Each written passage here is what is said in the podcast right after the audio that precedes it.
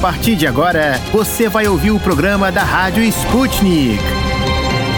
Olá, ouvintes. Eu sou a Melina Saad. Estou junto com a Tayana de Oliveira para apresentarmos o programa de hoje da Rádio Sputnik. Vamos nessa, Mel, trazendo agora os destaques desta segunda-feira, 4 de abril. São Paulo decretou luto oficial por três dias pela morte da escritora e acadêmica Lígia Fagundes Teles. Ela tinha 98 anos e morreu neste domingo em casa. Autora de obras como Ciranda de Pedra, As Meninas, Antes do Baile Verde, Seminário dos Ratos e Mistérios, Lígia foi uma voz ativa na vida intelectual e cultural brasileira. Desde a década de 80, ela era integrante da Academia Brasileira de Letras e recebeu prêmios Camões e Jabuti. O velório aberto ao público ocorreu na Academia Paulista de Letras, no centro de São Paulo. O presidente da ABL, Merval Pereira, disse que a literatura brasileira perdeu uma grande mulher e uma figura exponencial e fundamental não só para a literatura, já que Lígia era uma grande líder feminista. No noticiário político, o deputado federal Eduardo Bolsonaro Bolsonaro usou o Twitter para ironizar as agressões sofridas pela jornalista Miriam Leitão, do jornal Globo, na época da ditadura militar. Miriam foi presa e torturada por agentes da repressão enquanto estava grávida. Em uma das sessões de tortura, ela foi colocada nua em um quarto escuro com uma cobra. Comentando a última coluna da jornalista, em que ela classificou Jair Bolsonaro como inimigo da democracia, o parlamentar escreveu, abre aspas, ainda com pena da cobra, fecha aspas, utilizando um emoji para fazer referência ao animal. Nas redes sociais, colegas e políticos manifestaram solidariedade à jornalista, entre eles os deputados Paulo Pimenta, Fernanda Melchiona e a apresentadora Vera Magalhães. Na cena internacional, o primeiro-ministro do Paquistão, Irman Khan, foi exonerado hoje do cargo após a dissolução do parlamento do país. Apesar disso, ele vai continuar no posto até um premier interino ser nomeado. Ontem, o presidente paquistanês Arif Alvi acatou a proposta de Khan e dissolveu o órgão legislativo legislativo. A dissolução ocorreu logo depois que o vice-presidente da Assembleia Nacional, Cassim Suri, cancelou o voto de desconfiança contra o premier. A decisão dele gerou indignação dos partidos de oposição que anunciaram que vão apelar à justiça. As novas eleições, segundo as regras, devem ocorrer em 90 dias. De acordo com o jornal The Nation, a surpresa de Khan desencadeia uma crise constitucional. Iran Khan alegou que as forças opositoras foram longe demais ao se juntar com os Estados Unidos para uma mudança mudança de regime. Khan afirma ter provas que ele se recusou a revelar publicamente do envolvimento de Washington, mas os Estados Unidos negam as acusações. O ex-presidente da Costa Rica, José Maria Figueres, reconheceu a derrota no segundo turno da eleição presidencial e parabenizou o ex-ministro das Finanças do país, Rodrigo Chaves. De acordo com os resultados anunciados pela Corte Eleitoral Suprema da Costa Rica, Chaves ganhou cerca de 53% dos votos. No primeiro turno da eleição presidencial em fevereiro, Figueres, candidato do Partido da Libertação Nacional, ganhou pouco mais de 27%. Enquanto isso, Chaves, do Partido do Progresso Social Democrata, ficou em segundo lugar com 16,78%. Nenhum dos candidatos conseguiu obter 40% no primeiro turno, então o segundo turno foi marcado para o dia 3 de abril. O novo mandato presidencial de quatro anos começa em 8 de maio. O primeiro-ministro da Rússia, Mikhail Mishustin, informou nesta segunda-feira que o país vai restabelecer os voos comerciais com 52 países. A partir do dia 9 de abril, a Rússia vai retirar as restrições da Covid-19. O documento assinado pelo Premier inclui países como Brasil, Argentina, Índia, China, África do Sul e outras nações amigáveis. Além disso, também não haverá mais restrições na entrada e saída do país por vias terrestres na fronteira com a China. No dia 27 de março de 2020, os voos comerciais e fretados com outros países foram suspensos devido à pandemia. Em agosto de 2020, Moscou iniciou gradualmente o reestabelecimento dos voos. O presidente russo Vladimir Putin assinou um decreto sobre medidas de resposta com exigência de visto aos cidadãos de países hostis e aos diplomatas de países da União Europeia para entrada na Rússia. O ministro das Finanças da Alemanha, Christian Lindner, reconheceu que o país já está pagando um preço alto pela operação militar russa na Ucrânia. Em entrevista publicada no Bild, o ministro admitiu que o governo alemão não pode compensar a perda de prosperidade, mas assegurou que está trabalhando para atenuar os impactos maiores. Entre as medidas adotadas por Berlim está o alívio fiscal para a classe média, o apoio aos estratos economicamente vulneráveis e às empresas em risco. No entanto, todas essas medidas, segundo Lindner, são temporárias. O ministro alemão reconheceu que o fim dos fornecimentos de petróleo e gás russos teria efeitos drásticos no país. Lindner declarou que as possíveis repercussões iriam além do preço, afetando a disponibilidade física de energia para os alemães. Além disso, o ministro considerou as sanções impostas recentemente contra Moscou como incomparáveis e enfatizou que as medidas punitivas não deveriam colocar em risco a estabilidade da Alemanha. Depois desses destaques, vamos conferir o que nós preparamos para o programa de hoje? E no programa de hoje.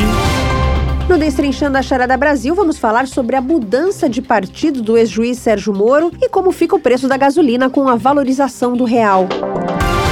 Na hora do play, Polônia quer abrigar armas nucleares. No Você Sabia, que é o nosso quadro sobre curiosidades do Brasil, vamos falar sobre o papel de um padre brasileiro na história do rádio.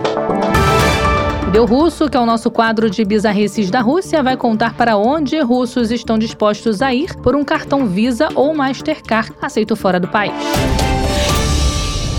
Destrinchando a charada. De dentro e fora do Brasil. Política, economia, sociedade e tudo que engloba o maior país da América Latina.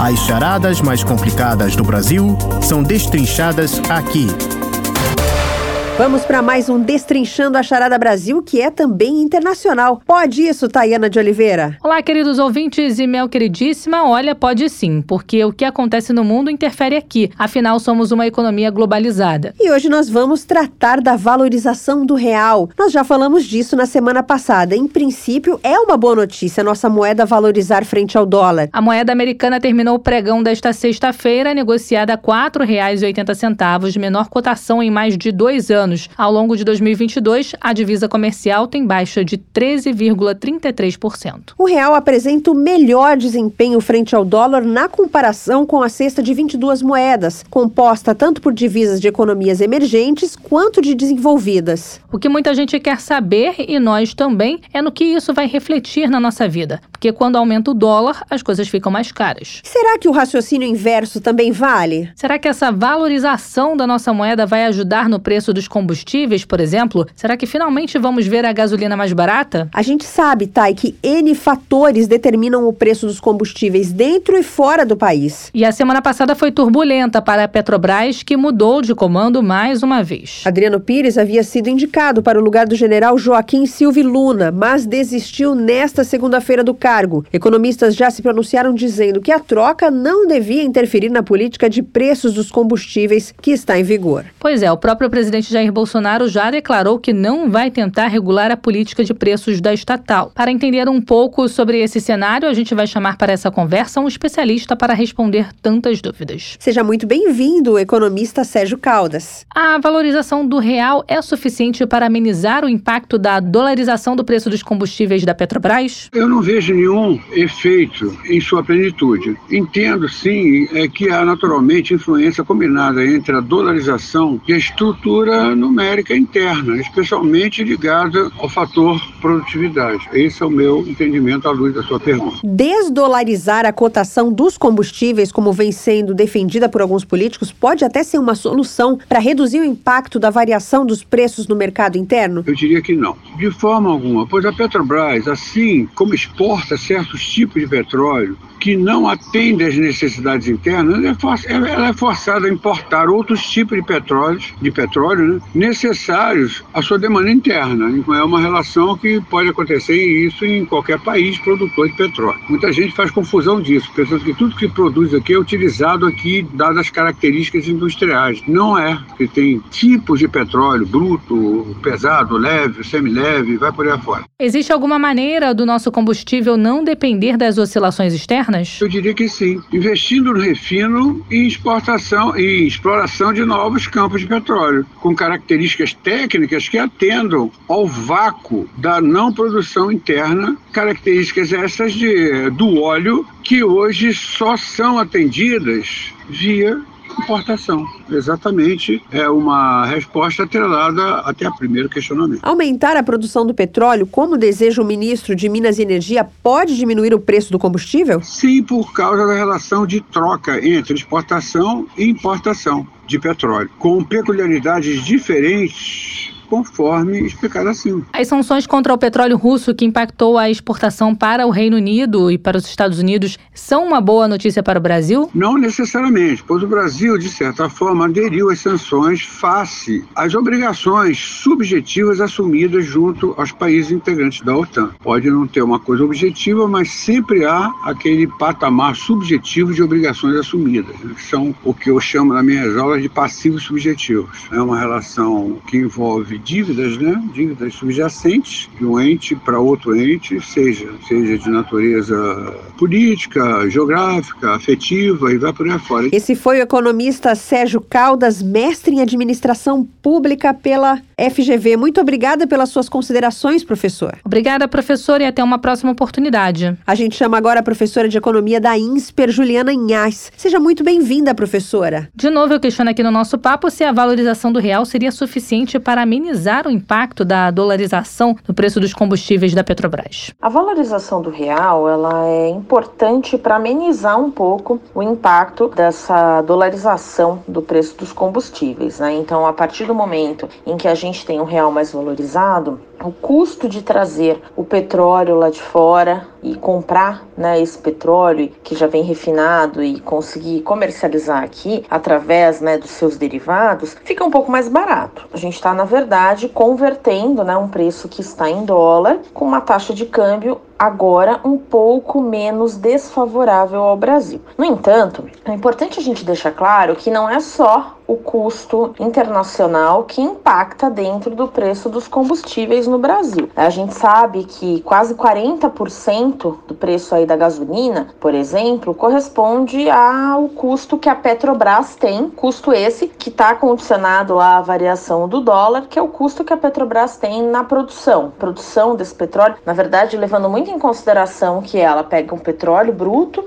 que extrai aqui do Brasil, manda para fora, esse petróleo é refinado e a gente recompra. Então existe aí um, uma compra no final das contas de petróleo externo, porque o petróleo que é produzido aqui não, não é adequado ao nosso consumo direto. Agora, é importante levar em consideração que existem outros custos que também são pesados. Tem o custo de distribuição, de revenda, tem o, os impostos, né? ICMS, PIS/PASEP, COFINS. Só os impostos, eles são quase 35% do valor final da gasolina. Então a gente está, na verdade, perceba, amenizando com um real mais valorizado, né, a queda da taxa de câmbio, a gente está amenizando uma parte desse custo, mas existem outros tantos componentes que continuam provavelmente pressionando esses preços. É o caso, por exemplo, do, do custo do etanol dentro da composição da gasolina, o etanol que continua em alta. Então a gente tem outros custos que de alguma forma continuam impactando e podem fazer com que uma eventual eventual futura queda de preço de combustível não seja aí do jeito que a população de fato imagina. E eu pergunto de novo sobre a desdolarização dos combustíveis, se seria essa uma solução para reduzir o impacto, para diminuir o preço da gasolina aqui no mercado interno. Desdolarizar a cotação dos combustíveis pode ser sim uma solução para diminuir o impacto dessa variação de preços no bolso do consumidor, mas é uma solução de curto prazo, uma solução pouco efetiva no sentido de conseguir reduzir muito o preço e é uma solução que cria um problema muito sério ao longo do tempo. Quando a gente desvincula essa o preço do combustível comercializado no mercado interno da taxa de câmbio, a gente na verdade está ignorando o fato de que para o consumidor e para a sociedade como um todo, a taxa de câmbio é um fato importante ou é um fator importante na produção do combustível. Então a gente na na verdade vai estar ignorando esse fato, mas a Petrobras ela vai continuar recebendo combustíveis mais caros, né, e petróleo mais caro e tendo que produzir combustíveis mais caros, de acordo com uma cotação de dólar e uma cotação do barril de petróleo, que vai impactar os custos de produção dela. Então, se a gente ignorar esse fato, se a gente deixar para lá esse fato, o que vai acontecer é que a gente vai começar a criar déficits e, e prejuízos financeiros para a Petrobras que, no médio e no longo prazo, vão ter que ser supridos pela economia. É o consumidor, em algum momento, que vai acabar pagando por isso. Então, é uma solução de curtíssimo prazo, acho que muito pouco efetiva e sustentável, e que nesse momento não traz tanto benefício. Note, o que impacta para gente é uma parcela ali de praticamente 40%, 30 e poucos, 40%, mas a gente ainda tem 60% do preço que não depende do, do preço do dólar, né? Não depende da taxa de câmbio e que pode continuar sendo pressionado. Na sua opinião, existe alguma maneira do nosso combustível não depender das oscilações externas? A forma que a gente teria para que o nosso combustível não dependesse das oscilações externas seria se a gente fosse autossuficiente na produção do petróleo que é necessário para dentro da economia brasileira e a gente tivesse também uma autonomia em refino. Nós não temos essa autonomia. A gente não consegue refinar de forma adequada esse petróleo que é produzido hoje dentro do Brasil. Ainda que a gente conseguisse isso, a gente tem que lembrar que o mercado internacional, o mercado de, de petróleo e combustíveis no geral,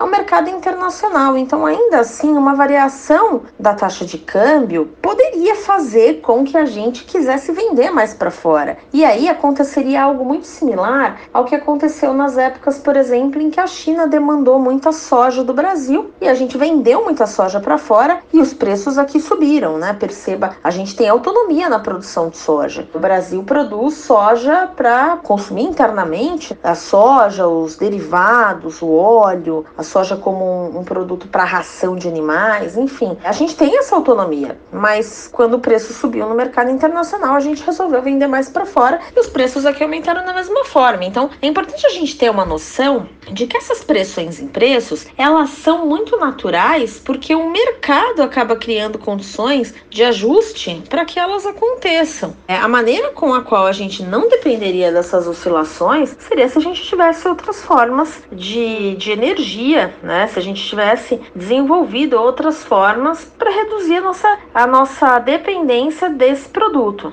né? Mas hoje, do jeito que as coisas são, de fato, é muito mais difícil que isso aconteça. O aumento na produção do nosso petróleo, como quer o ministro de Minas e Energia, nesse prazo de 10 anos, seria uma solução para diminuir o preço aqui internamente? Aumentar a produção de petróleo hoje, de acordo com o desejo do ministro de Minas e Energia, não teria tanto impacto assim para o Brasil. Primeiro, porque a gente não vai conseguir produzir de uma forma tão intensa a ponto de impactar muito o mercado internacional. Né? A gente conseguiria aumentar a nossa produção, mas o nosso impacto no preço do barril do petróleo provavelmente seria muito pequeno. Esse é um primeiro ponto. E também a gente não pode esquecer o fato de que o Brasil produz um petróleo que tem uma necessidade de refino específica. É um petróleo mais difícil de se refinar. Então, o custo de refino é maior. Então a gente também tem que levar isso em consideração. A gente vai produzir mais um petróleo que pede maior beneficiamento, pede maior intervenção para ser um petróleo que possa virar um derivado. Então, já por aí, esse aumento de, de, produção talvez não acontecesse da forma como o ministro imagina. Então, a gente não tem um impacto significante no, no mercado, o nosso petróleo é caro, um petróleo difícil, caro no sentido de que ele é difícil de refinar, então ele é um petróleo mais complicado. Então, muito provavelmente isso não criaria uma grande diminuição de preços. A gente continuaria tendo que importar esse petróleo de fora e essa importação aconteceria a preços de mercado internacional e a variação cambial continuaria impactando aí. Então, muito dificilmente dá para acreditar que essa medida conseguisse gerar aí um impacto tão significativo. Como as sanções contra o petróleo russo impactam o Brasil? Na verdade, as sanções que foram anunciadas aí que contra o petróleo russo, né, a Rússia deixando de exportar para toda a União Europeia, Estados Unidos, Reino Unido, é uma notícia que não é muito boa para o Brasil. Não é boa porque isso vai fazer com que esses consumidores de petróleo, que são grandes consumidores, comecem a procurar petróleo em outros mercados e isso vai fazer com que o petróleo nesses outros mercados fique mais caro. Então, o petróleo vai ficar mais caro, isso vai fazer com que, é, independente da cotação da nossa moeda frente à moeda externa, né, independente da taxa de câmbio, o que vai acontecer é que em vários mercados o petróleo vai ficar muito mais caro, a matéria-prima vai ficar mais cara. Então, isso para o Brasil não é uma boa notícia. A gente deve é, se defrontar aí com um petróleo mais caro, especialmente se o Brasil também não for comprar o petróleo russo. E aí tem uma questão de qual é o posicionamento do Brasil dentro dessa história. E imaginando que a gente está falando que o mundo inteiro deve de alguma forma rechaçar a compra, as negociações com a Rússia, talvez a gente também se depare com novos aumentos de preços aí que façam com que os preços fiquem mais pressionados. No entanto, é importante nesse último ponto ressaltar que é uma percepção ainda muito cheia de incertezas. A gente tem que entender o que vai acontecer daqui para frente. A gente tem que entender como é que o Brasil vai se posicionar dentro desse contexto. Hoje, aparentemente, isso pode gerar sim um problema com custos mais altos. Essa foi a professora Juliana Inhais, professora de economia do INSPER. Muito obrigada pela sua participação. Tem mais gente para falar sobre o assunto ao professor Alexandre Espírito Santo, professor de macroeconomia do IBMEC. Professor, desdolarizar a cotação dos combustíveis pode ser uma alternativa para deixar a gasolina mais barata? Sem prejudicar a política de preço da Petrobras é difícil. Né? E a empresa precisa continuar investindo fortemente. Na minha visão, mudar a forma pode ser até um tiro no pé no final das contas. Tem como nosso combustível não depender das oscilações de fora? É preciso investir em refinarias para processar nosso próprio petróleo. Nossas refinarias são antigas, foram feitas para processar um tipo de petróleo que não é mais o predominante, como do nosso pré-sal, por exemplo. O que ocorre é que importamos petróleo leve para misturar com o nosso e refinarmos com mais eficiência. Como o senhor vê o aumento na produção dos combustíveis? A Petrobras já tem grande destaque de produção, somos uma das mais importantes petroleiras do mundo. Temos grande expertise em extração de águas profundas. O problema não passa necessariamente por aqui. Não acredito que mais produção irá reduzir o preço, porque não estamos falando de oferta, e sim de um choque internacional de preços. Obrigada, professor Alexandre Espírito Santo, professor de macroeconomia do IBMEC. Agora vamos mudar de assunto. A gente começa a contagem regressiva para as eleições de outubro. Faltam menos de seis meses. Com o fim do prazo para mudança e filiação aos partidos, já conseguimos ter uma ideia de quem vai estar na disputa da corrida presidencial. E no meio dessa disputa, os eleitores foram surpreendidos na quinta-feira quando o ex-juiz Sérgio Moro anunciou a troca de partido. Sérgio Moro era pré-candidato à presidência da República pelo Podemos, mas decidiu se filiar ao União Brasil. Nos bastidores, se especula que uma das condições para ele fazer parte do União Brasil seria desistir da candidatura presidencial. Moro se filiou ao Podemos no dia 10 de novembro de 2021. O lançamento da pré-candidatura dele foi encarado como uma alternativa da chamada terceira via. Só que, desde então, nas pesquisas de intenção de voto, o ex-ministro ficou estabilizado na faixa faixa entre 8% e 10%, sem conseguir se aproximar de Lula e Jair Bolsonaro. Parece que os baixos índices motivaram essa decisão. Diante da estratégia, o ex-ministro da Justiça vai poder concorrer a uma vaga de deputado federal ou senador. O novo partido de Moro já declarou que só vai oferecer legenda para essas duas disputas. Como a Câmara dos Deputados tem mais vagas, as chances do ex-juiz se eleger aumentam. No Senado, apenas uma vaga em disputa. Lembrando que Sérgio Moro transferiu o domicílio eleitoral do Paraná Paraná para São Paulo por causa do maior número de vagas no estado da região Sudeste e para evitar uma disputa com o ex-procurador Deltan Dallagnol. Mas a gente lembra aos nossos ouvintes que o União Brasil também tenta atrair Deltan Dallagnol para concorrer a um cargo político pelo partido. E para quem ainda não se familiarizou com a sigla, a gente reforça aqui que o União Brasil é um partido que foi criado a partir da fusão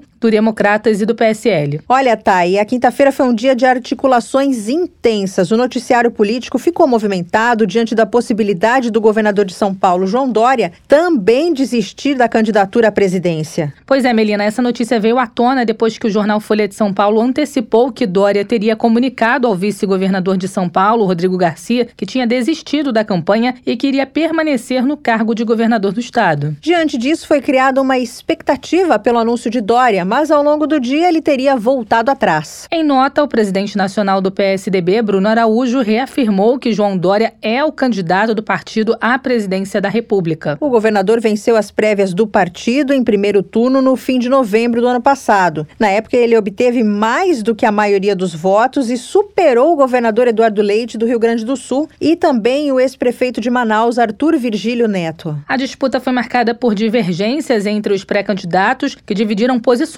dentro da legenda. Ao longo da pré-campanha, Dória e Leite chegaram a trocar farpas. Essas movimentações deixaram o esquenta para as eleições ainda mais agitado. Com certeza. E para entender um pouco mais e ouvir a opinião de quem é especialista no assunto, a gente chama para esse bate-papo o professor de Ciências Políticas e Ciências Sociais da Unifesp, Bruno Conder Comparato. Muito obrigada por nos atender, professor. Seja bem-vindo. Obrigado, eu que agradeço. Professor Bruno, primeiramente eu vou te perguntar como o senhor avalia essa troca de partido do ex-juiz Sérgio Moro? Nós sabemos que o Moro não tem apreço pelos partidos políticos. Ele deu várias declarações enquanto era juiz que evidenciam que ele não tem ideia, não sabe, não conhece como funcionam os partidos políticos, para que serve um partido. Ele tem uma visão, um entendimento, eu diria, muito purista sobre o partido político. É um partido político, ele existe para possibilitar que os deputados, os políticos cheguem a um acordo. Eu sempre digo aos alunos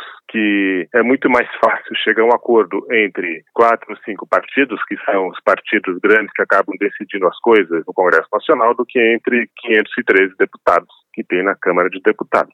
Quem já tentou reunir um grupo de 10 amigos para ir ao cinema, e eu já tentei, sabe que isso é impossível, porque é difícil 10 pessoas chegar a um acordo sobre que filme assistir. Ah, não, esse cinema eu não gosto, esse cinema o som é ruim, ah, esse é longe, enfim. E depois de horas de debate, ou as pessoas se dividem em grupos pequenos, cada um vai ver um filme e depois se junta, ou então já vai direto para o bar ou para né? E isso por uma decisão simples são amigos, teoricamente têm, enfim, gostos em comum, e para ver um filme, e assistir um filme, e depois de duas horas acabou, não tem maiores consequências. Agora imagina 513 deputados, cada um com todo um público, um eleitorado por trás, financiadores de campanha, interesses, visões próprias né, deles, pessoais, interesses particulares, interesses de grupos, de sindicatos, de todos os que, enfim, apoiaram, para decidir projetos de lei, que às vezes são coisas bem complicadas e que têm uma repercussão. Então, é, se não fossem os partidos, não seria possível a democracia. Partidos são essenciais à democracia. E por quê? Porque eles permitem é, organizar o jogo político. Então, essa troca de partidos, é, enfim, essa, o que a gente vê é que esses partidos são muitos partidos novos que surgem, se refundam, mas no fundo é, são mais do mesmo. E nos bastidores, professor, corre a especulação de que com essa mudança de partido, Moro vai desistir de concorrer à presidência para poder concorrer a uma vaga de deputado federal ou de senador. Ele não poderia concorrer a uma vaga na Câmara dos Deputados pelo Podemos? Olha, a gente só vai saber se ele vai desistir mesmo na hora que ele registrar a candidatura. Né? Por enquanto, é, são especulações, são conversas, promessas. Eu sempre lembro do Tancredo Neves, que é, era uma, uma raposa felpudíssima. Ele dizia, entre a Bíblia e o capital, eu fico com o diário oficial. Ou seja, a gente só sabe da coisa quando ela sai publicada no diário oficial, nos registros oficiais, e ele queria dizer com isso que, entre as disputas teológicas, ele fica com o poder de decisão. Ele, enfim, a máquina do governo. O Moro, ele, eu acho que lançou um balão de saio para ver se ele, candidatura para presidente, ia decolar. Não parece ser o caso e é muito mais tranquilo para ele disputar para a Câmara dos Deputados, que aí ele consegue se eleger com facilidade. Agora, professor, em uma das declarações, o Sérgio Moro ele chegou a falar que ele estaria sofrendo um boicote no Podemos. O senhor acredita que isso possa ter acontecido ou essa declaração dele foi justamente pelo que o senhor falou aí, de, na sua opinião, ele não entender como funcionam os partidos políticos? Não, eu acho que se ele disse que sofreu um boicote, ele esperava mais apoio. Ele, a gente sabe que ele é uma pessoa extremamente vaidosa, então ele esperava que fosse ser o salvador da pátria, fossem todos apoiar ele. E um partido político, enfim, ele não conhece muito bem o partido político, todos lá, enfim, tem várias pessoas muito experientes nos partidos políticos e é onde se aprende a fazer política é num partido. Então ele esperava que ele fosse chegar num partido e sentar na janelinha. E não é bem assim, né? Tem gente que está lá há décadas não nesse partido, mas enfim, na vida partidária, na luta política, isso é muito comum. Um puxa o tapete do outro, enfim, um quer. Todos querem estar na frente. Agora, diante de uma eventual saída dele da disputa presidencial, isso vai mudar alguma coisa no cenário da corrida eleitoral? Como que fica a chamada terceira via? Tem duas candidaturas polarizadas e uma tentativa de ter uma união aí para possa se viabilizar uma terceira candidatura, seria mais pelo centro. As eleições presidenciais no Brasil se ganham no centro. O eleitor brasileiro é um eleitor mais conservador e o centro é fundamental. Todos os presidentes que já tivemos no Brasil, eles governaram com apoio do centro. Então, esse espaço no centro é fundamental. Por isso que o Lula, ele caminha mais para o centro, ele tem a esquerda, ele caminha para o centro, que é ali que ele precisa conquistar os votos que faltam para se eleger. A mesma coisa do Bolsonaro. Então, essa terceira via surge pelo centro, que é onde, enfim, é um lugar estratégico, o centro. Agora, eu queria chamar atenção para um aspecto. A gente sempre costuma olhar para os vencedores, quem vence a eleição. E a gente esquece de olhar quem perde. Isso é muito importante, porque o, o mistério, enfim, o encanto da democracia é o consentimento dos perdedores. Que se os perdedores não aceitam o resultado, então não funciona. E o que, que nós vimos nas últimas eleições? 2014, logo após a proclamação do resultado, começou-se o questionamento. O candidato derrotado, foi Aécio Neves, já começou a, a contestar. E aí isso foi crescendo, desembocou no impeachment que agora percebe-se que, não, enfim, não havia motivos, razões para isso. Foi um, um processo político, não era um, uma questão judicial. Tanto que acabou de ser, é, enfim, reconhecido pela justiça de que a Dilma foi inocentada pelo pedaladas. Aí vem o, o atual presidente com uma declarações, uma postura de questionamento permanente do sistema político, do sistema eleitoral, das eleições, das urnas, da forma como as eleições são realizadas, e não se sabe se, caso ele seja derrotado, você vai aceitar o resultado. Nós temos este candidato aí que agora o Moro, que era candidato a presidente e agora diz que não é mais que questiona sempre os partidos, tema partidário. Então isso é muito preocupante. É uma instabilidade muito grande que pode acontecer. Eu tenho duas perguntas para fazer para o senhor, também no campo das ideias, né? Se Sérgio Moro conseguir essa vaga no Senado, quais serão as pautas dele? E outra, se ele estiver no Senado junto com um próximo governo do, de Jair Bolsonaro, será que eles vão se apoiar? Olha, eu não sei se. A eleição para o Senado é uma eleição difícil. Tá? Eu não sei se é vantagem para ele. Eu acho que é muito mais interessante para ele uma, tentar se eleger deputado federal e ele consegue facilmente. Agora, para o Senado é mais difícil. É, segunda pergunta, se eventualmente o Bolsonaro sendo reeleito e o Moro sendo eleito para o Senado, se vai apoiar, é, aí vai depender do, das votações, dos assuntos, mas ele é muito mais próximo do Bolsonaro do Lula se, se o Lula for eleito, né? Ah, isso certamente. É, se fosse, então, então eu acho que acaba apoiando, sim. Ele vai aprender a fazer a política quando chega lá. Enfim, são todos. A gente não pode achar que os deputados, os senadores não são espertos, são burros. Eles não são. Ninguém chega lá por acaso todos são, enfim, sabem fazer muito bem a coisa. A coisa, eu digo, o jogo político, né? Eles sabem como funciona, conhecem as regras,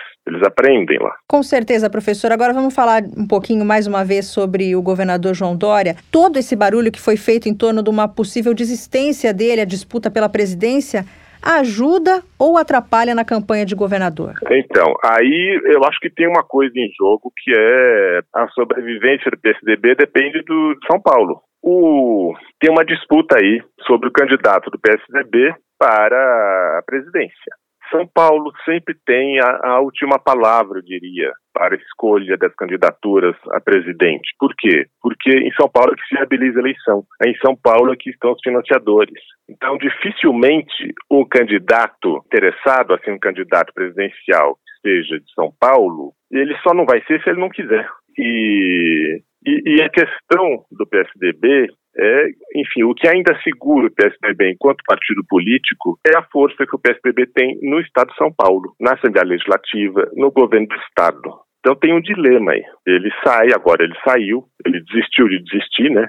Ele saiu do, do governo e vai entregar o governo para o vice, que é de outro partido, e que vai querer tentar se eleger governador. Não se sabe o que vai acontecer, se vai manter a aliança, vai manter o acordo com o PSDB, qual vai ser a configuração da Assembleia Legislativa, porque o, PSDB vem diminuindo nas últimas eleições e, e, ele está diminuindo rapidamente. Então, eu diria que essa eleição, esse resultado vai ser decisivo para a gente saber se o PSDB vai. Enfim, ele não é mais um partido, ele era um partido grande, importante. Ele não é mais, ele ainda tem importância nacional, mas o tamanho dele diminuiu muito. Agora, essa atitude do Dória de ameaçar, de, é, desistir de concorrer à presidência e depois acabar voltando atrás, isso sinaliza que a relação dele com o PSDB não anda bem? É, não é a primeira vez que ele faz isso. Ele coloca o PSDB diante de uns impasses os fatos consumados. A maneira como ele se sagrou candidato para o governo do Estado não foi uma maneira consensual no PSDB. Ele enfrentou, ele peitou, e então ele, ele faz essas coisas, né? Uma, uma, chantagem, não sei, ele ameaça desistir. E para o PSDB seria terrível, né? Uma eleição, um candidato a presidente que não seja o escolhido por São Paulo e de uma forma. Porque ele pode ser de outro estado, desde que o partido em São Paulo esteja de acordo, apoia, apoia, né? O que aconteceu com Aécio, que é de Minas Gerais.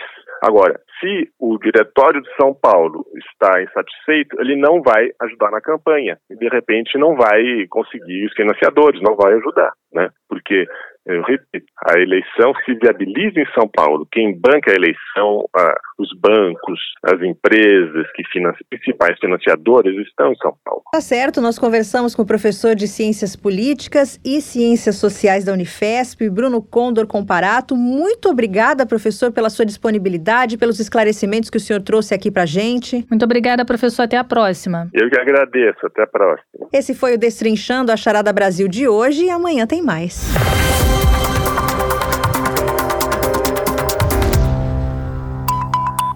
Para ficar por dentro de todas as novidades, tanto mundiais como brasileiras, se inscreva no nosso canal do Telegram. É muito simples. É só você escrever Sputnik Brasil na busca do Telegram e se inscrever para receber as notificações. Hora do Play.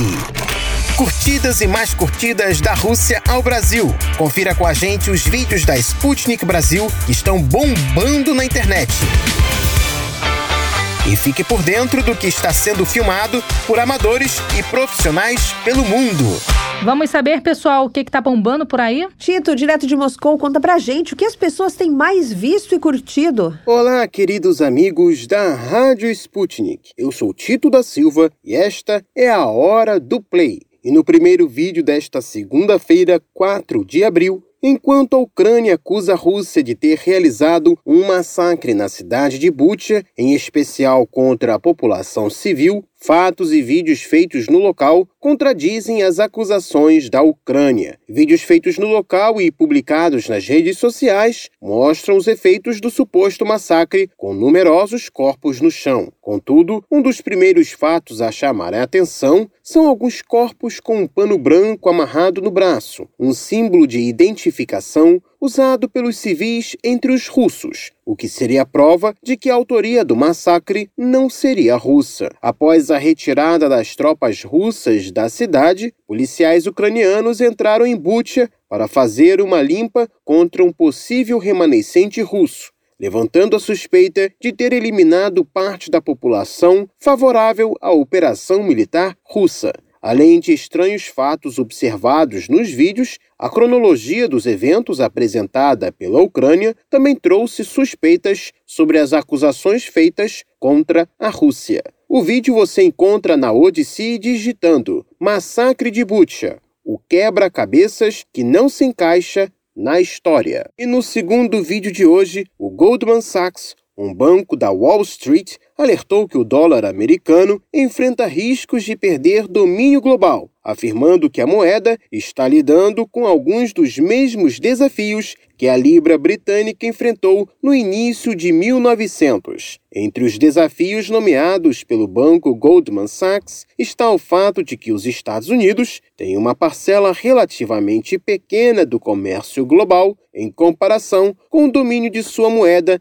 nos pagamentos globais. Além do mais, países também parecem ter maior procura por outras moedas além do dólar para suas reservas, o que seria um indicativo do risco de perda de relevância da moeda norte-americana no cenário internacional. O vídeo você encontra digitando seu nome na Odyssey. Dólar corre risco de perder domínio global, alerta banco da Wall Street. E no terceiro vídeo de hoje, em entrevista à revista alemã Die Welt, o vice-premier polonês Jarosław Kaczynski afirmou que seu país saudaria a implantação de armas nucleares dos Estados Unidos na Polônia, no contexto do conflito na Ucrânia e da piora das relações com a Rússia. Ele também defendeu a ideia de um maior envio de tropas dos Estados Unidos para o leste europeu, em particular aos países bálticos e à própria Polônia. Ultimamente, a Polônia tem se destacado cada vez mais pela sua política externa antirrussa e defendido maior participação da OTAN no conflito na Ucrânia. O vídeo você acha digitando Polônia quer abrigar armas nucleares dos Estados Unidos, diz vice-premier à revista alemã. E por hoje é tudo, pessoal. Até mais! Kremlin condenou nesta segunda-feira os comentários do líder do partido no poder da Polônia, que disse que Varsóvia estaria aberta a ter armas nucleares dos Estados Unidos em seu solo. Outro ponto que a Rússia também condenou hoje foi a Polônia ter concordado em receber um aumento de 50% no número de tropas americanas na Europa. Até amanhã, Tito.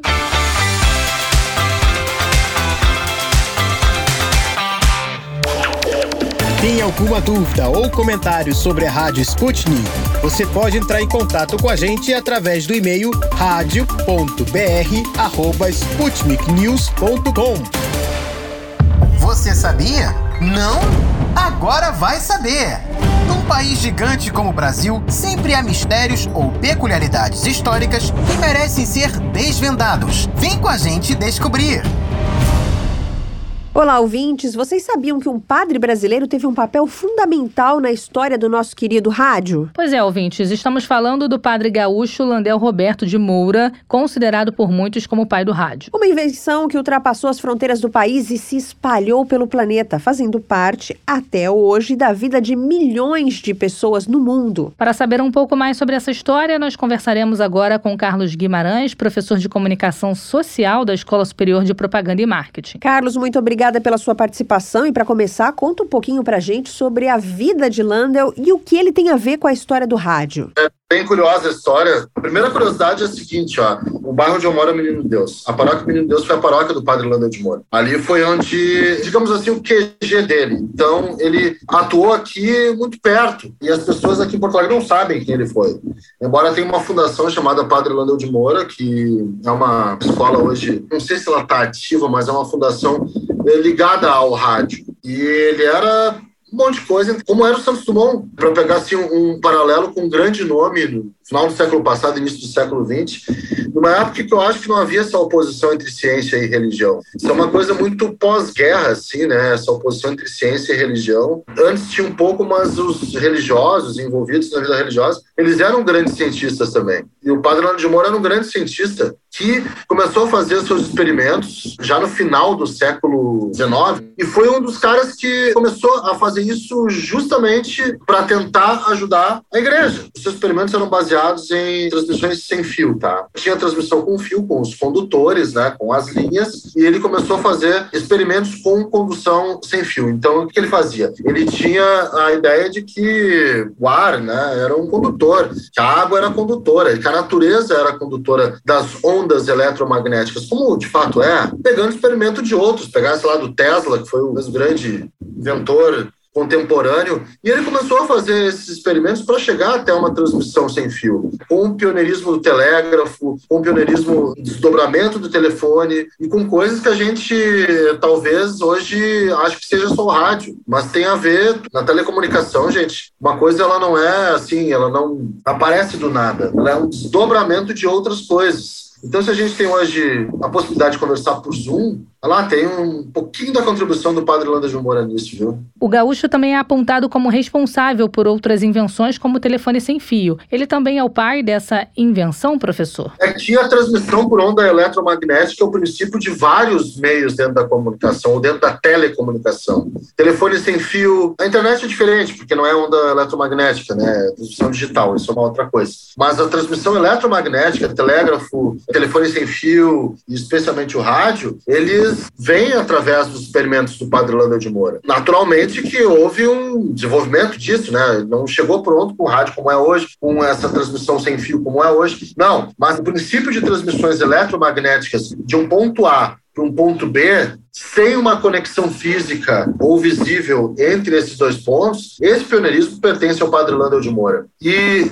entre esses princípios, e é um princípio de comunicação, o rádio acabou se tornando um veículo de comunicação de massa. Por quê? Porque existe o ponto A com o ponto B, a transmissão do ponto A é uma transmissão que se difunde não só para o ponto B, como é o telefone, mas para os pontos C, D, E, F, vira o alfabeto diversas vezes, passa, porque aquela transmissão ela é possível de ser capturada por muita gente. E aí vem a massa ao invés de um ponto B apenas. Então, a gente tem no Padre Landel de Moura esses dois pioneirismos, né? O primeiro é da comunicação eletromagnética e o segundo é de comunicação de massa. A comunicação de massa é, é aquela comunicação que atinge muita gente, que antes só chegava através, primeiro, da voz, quando o cara subia no puto de uma praça e falava, aquilo ali era uma comunicação de massa, tá? Porque tu tinha uma massa, tu tinha uma plateia de, às vezes, até milhares de pessoas, tu tá comunicando para massa. Depois, desenvolvida para escrito, né? Primeiro para os registros pré-Gutenberg, onde você é, conseguia transcrever as coisas, e depois para os escritos de imprensa, com registro de cartas, livros, e aí vem os jornais, né? Os jornais já atuantes nessa época aí que o padre Lander de Moura coloca, mas aparece, mas em termos de voz, de capturar a voz de um ponto distante,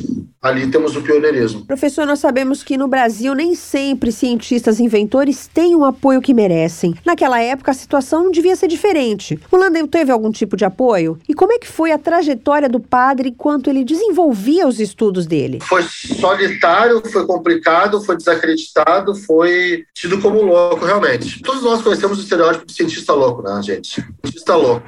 É um estereótipo desenvolvido não é à toa, porque realmente antigamente os cientistas eram considerados loucos, mais antigamente antigamente eram hereges, cientistas foram queimados. Cientista, quando o cara chegou, quando disseram, por exemplo, que a Terra é redonda, e ela é redonda, né? Agora que disseram que ela é plana, inacreditavelmente, mas quando começou a se falar de lei de gravidade e principalmente a adotar uma perspectiva que não é geocêntrica, ou seja, que o universo não gira em torno da Terra, isso aí foi um horror, especialmente para quem considerava os princípios da civilização como a Terra sendo o centro do universo e Deus sendo o teocentrismo e o geocentrismo, né?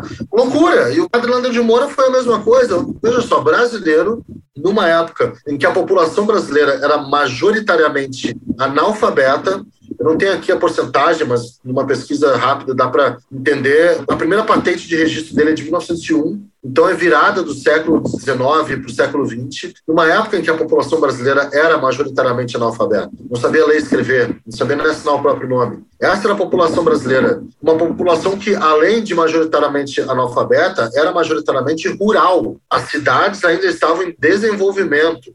A população brasileira era rural onde não tinha nenhuma condição de chegar em alguns lugares do país. Não se tinha como cruzar o país. Então, tinha muita ignorância no meio disso, né? É completamente diferente que hoje. E é natural que um padre, que também é inventor, cientista, que está fazendo experimentos com comunicação sem um condutor visível, ele vai ser tirado como para louco, ele vai ser tirado para o cara que não está assim de acordo com a realidade. É, num país desenvolvido ele teria investimento, ele não teve investimento em cima dele. Num outro cenário observando a genialidade, porque essa coisa de gênio, né? Estava falando de um gênio, o Padre de Moura foi um gênio. Essa genialidade, ela precisa ser investida, ela precisa ser agregada ao ambiente acadêmico, ao ambiente universitário, ao ambiente da pesquisa. E já havia universidade no Brasil, no CERF, com a população majoritariamente analfabeta, e não aconteceu nada disso. Então, ele foi sozinho, desbravando, desbravando. Geograficamente, ele era muito prejudicado por estar em Porto Alegre. Porto Alegre era muito mais longe do que é hoje. Sim, em sentido figurado, porque a distância é a mesma, obviamente, mas Porto Alegre ficava muito distante da capital do Brasil, Rio de Janeiro, tinha que ir navio para o Rio de Janeiro. Era uma condição absurda, não tinha como praticamente se tem hoje. Hoje, duas horas, uma hora e cinquenta eu estou no Rio de Janeiro. Antigamente não se tinha isso. Então imagina, a distância, a origem, a profissão, tudo isso serviu para um preconceito gigantesco em cima do padre. Da igreja, inclusive, ou principalmente da igreja, porque a igreja, ela rechaçava isso, achava, padre, cuida da paróquia do Menino de Deus, que no resto não precisa se meter. Sim, foi solitária a vida do Lundel de Moura nesse sentido. Quando brasileiros inventam algo, sempre tem alguém para falar que inventou antes, e isso acontece em várias áreas. Verdade, Thay. Velha até aquela polêmica em que os norte-americanos afirmam que não foi Santos Dumont que inventou o avião, e sim os irmãos Orville e Wilbur Wright. Pois é, com o rádio não foi muito diferente. Há quem diga que o italiano Guglielmo Marconi foi o responsável pela invenção. Afinal, quem foi o inventor do rádio? Ou cada um contribuiu um pouco? Teve um ano ano que foi registrado que o pioneiro ao realizar experimentos em telecomunicação ou a realizar efetivamente a primeira transmissão sem fio foi o padre Lando de Moura, mas por muito tempo ficou com o Marconi esse título, né? Por várias questões. Marconi é italiano, está na Europa. Eu acho que cada um tem a sua contribuição, até porque como não foi um trabalho conjunto, é legal observar que duas pessoas no início do século XX tiveram nessa empreitada de fazer o mundo evoluir e fazer a telecomunicação evoluir. Especialmente encantador para mim, que sou um cara da comunicação, e observei de perto, por exemplo, a internet, né? Eu não sou nativo digital. É, eu tenho que aprender a usar a internet. Quando surge a internet, assim, eu, nossa senhora, imagina a descoberta para a época. Então é interessante ver como os dois também se complementaram nesse estudo, né? O Marconi foi fundamental, foi fundamental em vários campos, em vários meios. A primeira transmissão sem fio foi do Padre Lando de Moura. Marconi, ele teve a contribuição também, talvez tenha sido o primeiro a experimentar isso, mas uma transmissão sem fio completa, ponto A para ponto B, pertenceu ao Padre Lando de Moura. Mas, assim, há essa polêmica que eu acho, sinceramente, necessária, né? Parabéns aos dois e vamos valorizar os dois e valorizar, sim, um pouquinho mais o Padre de Moura, porque além de ser brasileiro, é gaúcho, né? o senhor acredita que, por sua contribuição, Landel merecia um maior reconhecimento, principalmente aqui no Brasil? Certamente. A gente tem diversos grandes nomes e gênios, e inventores e cientistas que fizeram parte, mais recentemente, grandes empreendedores que utilizaram a ciência para construir impérios. Vou citar naturalmente o Bill Gates e o Steve Jobs. Vou citar agora, mais recentemente, não é um inventor, teve só a ideia, o Mark Zuckerberg, e a gente fala muito nesses caras sem entender que antes deles outras pessoas desenvolveram outras coisas para que eles chegassem e tivessem uma ideia mais consolidada de, por exemplo, transmissão o rádio ele é um, um, pilar da transmissão sem fio, ele é um alicerce. O rádio é uma invenção tão fantástica que é aquela coisa de a gente ter um aparelhinho que a gente não ouve e está saindo voz ali de dentro. Está saindo de voz ali de dentro e está saindo voz e está comunicando com a gente. Nossa Senhora, vamos ver o que está acontecendo e como é que isso é possível. E olha o tamanho, a dimensão dessa invenção mundial e a gente não tem conhecimento. Eu acho que às vezes a gente tende a desconsiderar, inclusive,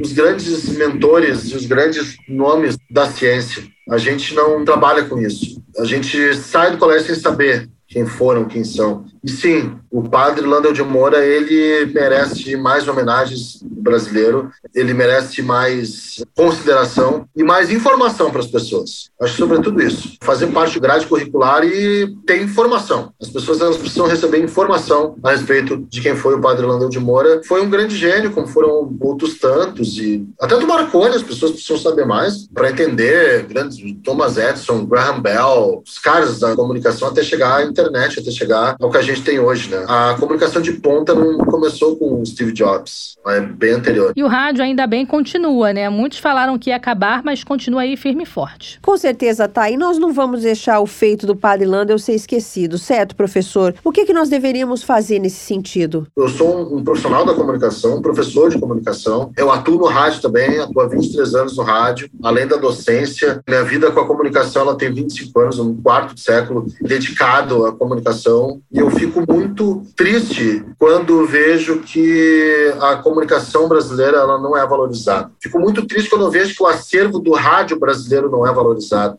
A gente não tem os principais registros de rádio. O rádio brasileiro começa no final da década de 1910 e a gente só tem registros efetivos de rádio consistentes a partir da década de 1950. A gente tem 40 anos perdidos de rádio. 40 anos não é pouca coisa. Numa época necessária, a gente tem 40 anos de rádio onde a gente não acha, onde não há registro. E nos anos 1950 para achar também não é fácil a sistemática de arquivar a nossa história começa a partir da década de 1960. Então, antes disso, a gente tem material perdido, cadê a nossa memória, né? É só aquilo que foi documentado. Mas nem tudo é documentado, é possível documentar tudo. O documento seria o áudio, documento seria a gravação, não era possível registrar tudo. E a gente não tem isso. E fora que o documento ele é passível de algumas falhas, como é, transcrições erradas, transcrições incompreensíveis, isso acontece. E o áudio ele não daria margem para essas transcrições erradas. A gente tem essa defasagem. Então, quando a gente fala do padre Landel de Moura de tantos outros que a gente poderia falar e seguir falando de rádio, é, o padre deu start, a gente pode falar da Rádio Jornal de Pernambuco, que foi pioneira, a gente pode depois falar da Rádio Nacional do Rio de Janeiro, é, falar da Rádio Pan-Americana de São Paulo, falar da Rádio Marinho Veiga, falar dos grandes nomes da comunicação no início do século, seguir falando sobre eles ao longo de todas as modalidades do rádio, rádio novela, rádio teatro, o rádio esportivo, o rádio como prestação de serviços, o rádio póstio, tudo a gente não tem isso. Então, acho que esse start é legal para a gente, quem sabe, tem aqui no quadro, nesse quadro, coisas bem legais para falar a respeito de rádio, porque o rádio é... A gente está fazendo rádio agora, então que a gente tem aí outros quadros para falar dessa história que precisa sim ser relembrado. Professor, muito obrigada pela sua participação. Você Sabia de hoje fica por aqui. Até a próxima.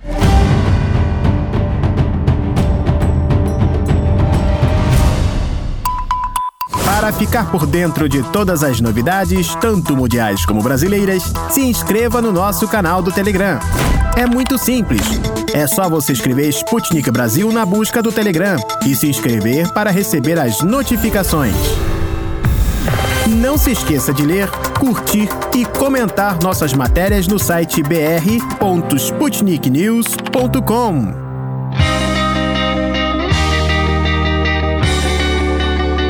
Deu Russo. De notícias bizarras do Brasil já estamos mais que saciados. E as bizarrices que acontecem na Rússia, hein? É outro nível, rapaziada. Ih, deu russo! Com as sanções crescendo dentro da Rússia, não sobra outra alternativa para os russos do que dar uns pulos. E tem russo dando pulo lá para o Uzbequistão, caros ouvintes. Sentem aqui que lá vem história. Voltando para as sanções, uma delas foi a recusa das gigantes internacionais Visa e Mastercard de continuar sua cooperação com a Rússia. As operadoras de cartão norte-americanas anunciaram no começo do mês de março a suspensão das transações com cartões de suas bandeiras. E depois ficou decidido que os cartões emitidos na Rússia só funcionariam dentro do país. Já os cartões com bandeiras Visa e Mastercard emitidos por outros países não funcionariam mais dentro da Rússia. E as restrições restrições destas duas gigantes continuam. Mas a regrinha é básica, ouvintes. As restrições englobam apenas cartões emitidos na Rússia. Daí os russos já sabem para onde ir em busca de um cartão sem restrições. E a resposta é Uzbequistão, uma ex-república soviética que fica não muito longe do sul da Rússia. Lá, russos podem tirar quantos cartões Visa e Mastercard quiserem. E já tem até agência de viagens organizando um tour imperdível para os russos que querem ter um cartão aceito fora da Rússia. Rússia. A ideia é a seguinte: o tour é de dois dias para a capital uzbeque Tashkent. Lá, todos os turistas têm direito a transfer do aeroporto ao hotel e de volta ao aeroporto, e do hotel ao banco e de volta ao hotel. Sem contar que a hospedagem é um ótimo hotel, um atendimento exclusivo no banco, uma atenção especial na hora de juntar e enviar toda a documentação necessária e seguro de saúde. Obviamente que as vantagens do tour não param por aí, pois a finalidade de ir para o Uzbequistão é garantida pelos organizadores organizadores da agência de turismo. Todo cliente sai de lá com o cartão funcionando do outro lado das fronteiras russas. Tudo isso é incluso no tour, ouvintes. Agora, quem paga pelas passagens de vários pontos da Rússia é o interessado a ir para Tashkent. Pois é, por exemplo, saindo de Moscou, passagens de ida e volta custam uns R$ 1.800. Mas não dá só para ir para Tashkent saindo de Moscou, pois as agências de turismo estão oferecendo viagens saindo das cidades russas de Ekaterimburgo, Kazan e Ufa. Mas se a saída é de Ekaterimburgo, por exemplo, então é preciso pagar um pouquinho mais pelas passagens. Eu dei uma olhada aqui no Google Voos e as passagens de ida e volta de Ekaterimburgo a Tashkent estão custando em média R$ 2.500. E a vontade de ter um cartão aceito fora da Rússia estava levando russos a conhecer a capital do Uzbequistão, mesmo que antes tal vontade não tenha surgido. E aí, ouvintes, vocês topariam dar uma passeada de dois dias pela capital do Uzbequistão para conseguir um cartão Visa ou Mastercard?